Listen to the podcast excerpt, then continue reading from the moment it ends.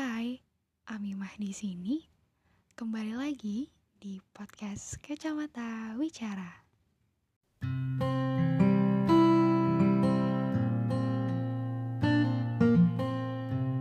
Halo teman-teman, apa kabar? Semoga kalian dalam keadaan baik dan sehat ya. Makasih udah mampir di podcast aku. Dan kali ini aku mau membahas fenomena yang sering terjadi di lingkungan sekitar kita. Kalau kalian pernah lihat sekelompok kepiting yang diletakkan di ember, nah jika kita perhatikan, sekilas kepiting tersebut akan berlomba-lomba menuju ke atas dengan cara menggeser atau menjatuhkan kepiting lainnya. Nah, sikap seperti ini mirip dengan sifat manusia yang saling menjatuhkan lawannya atau ingin merasa unggul untuk mencapai tujuannya. Istilah psikologinya disebut dengan crab mentality. Dari website psikologi UNES dijelaskan bahwa crab mentality itu adalah analogi perilaku manusia yang egois dan iri terhadap keberhasilan orang atau di mana seseorang itu mencoba untuk lain kinerjanya lebih baik dari dirinya. Jadi teman-teman, orang yang punya crab mentality ini memiliki prinsip kalau saya nggak bisa mendapatkannya, maka orang lain juga tidak bisa mendapatkannya.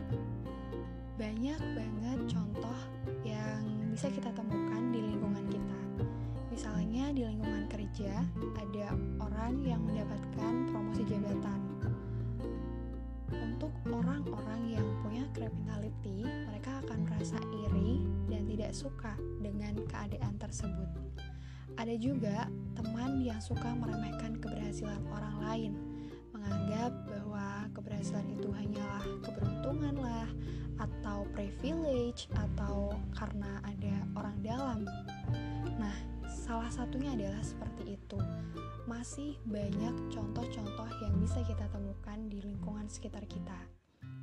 Ketika seseorang memiliki crab mentality, umumnya orang tersebut akan terus merasa tidak mau kalah dan selalu membandingkan dirinya dengan orang yang lebih unggul.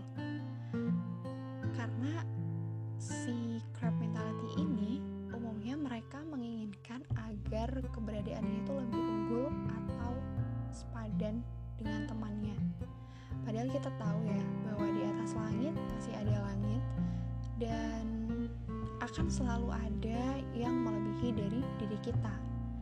Keadaan ini membuat si crab mentality akan sulit menerima keberhasilan orang lain dan mungkin ya mereka akan selalu merasa negatif terhadap pencapaian orang lain. Mereka merasa iri, mereka merasa meremehkan pencapaian orang lain. Buat orang-orang yang mental kepiting ini, kerugiannya tidak hanya dirasakan oleh dirinya sendiri, tapi juga oleh kompetitornya atau lawannya. Misalnya nih, untuk uh, dirinya sendiri, orang-orang yang punya crab mentality umumnya akan menghambat dirinya untuk mencapai tujuan dia yang sebenarnya, karena dia selalu membandingkan dirinya dengan orang lain.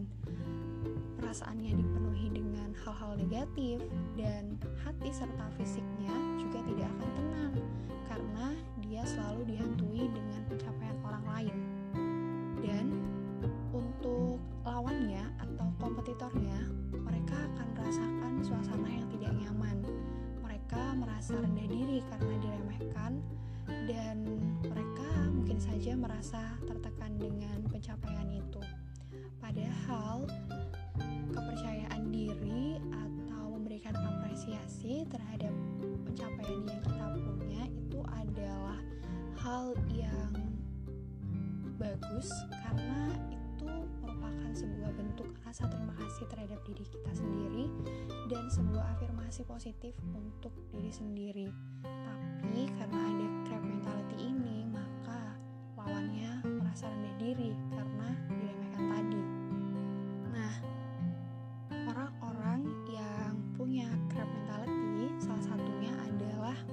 Ciri-ciri berikut, seperti iri melihat keberhasilan orang lain, terus mereka juga memiliki pandangan negatif terhadap kesuksesan orang lain, lalu orang-orang yang punya jiwa kompetitif yang berlebihan.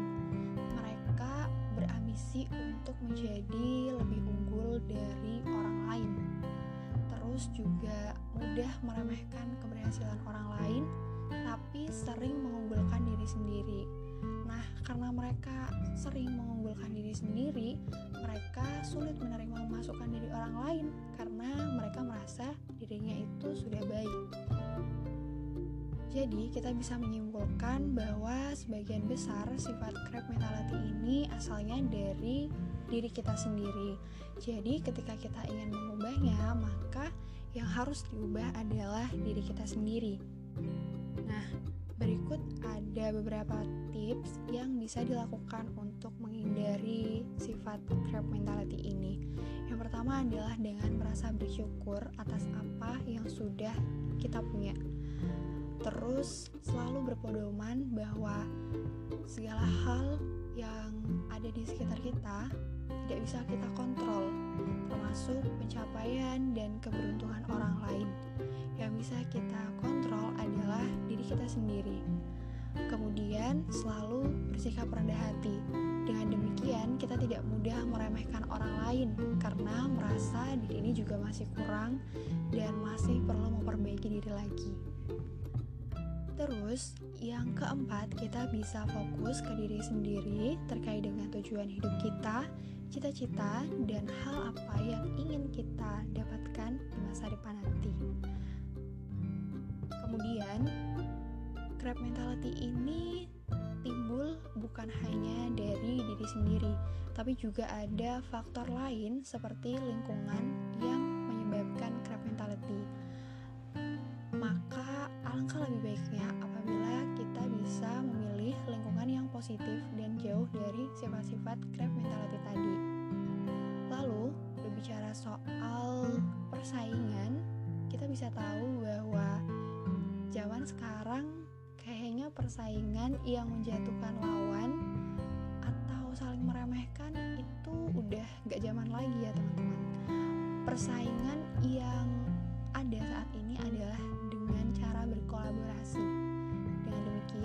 kita bisa saling memotivasi, saling berbagi ilmu, dan saling mengisi kekurangan satu sama lain. Tips yang terakhir adalah open-minded. Ketika kita open-minded, kita merasa bahwa apa yang kita punya tuh ternyata belum seberapa.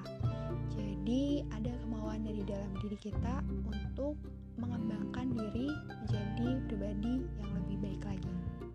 So guys, untuk memperbaiki crab mentality yang ada pada diri, dimulai dari diri kita sendiri, kemudian dari lingkungan yang ada di sekitar kita. Setiap orang memiliki makna keberhasilan yang berbeda-beda, dan kita tidak bisa mengontrol apa yang terjadi di sekitar kita.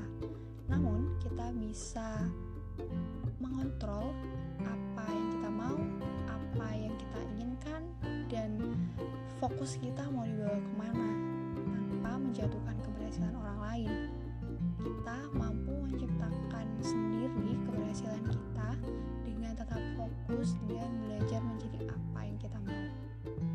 Oke, okay, semoga penjelasan crab mentality tadi bermanfaat. See you next episode. Bye bye.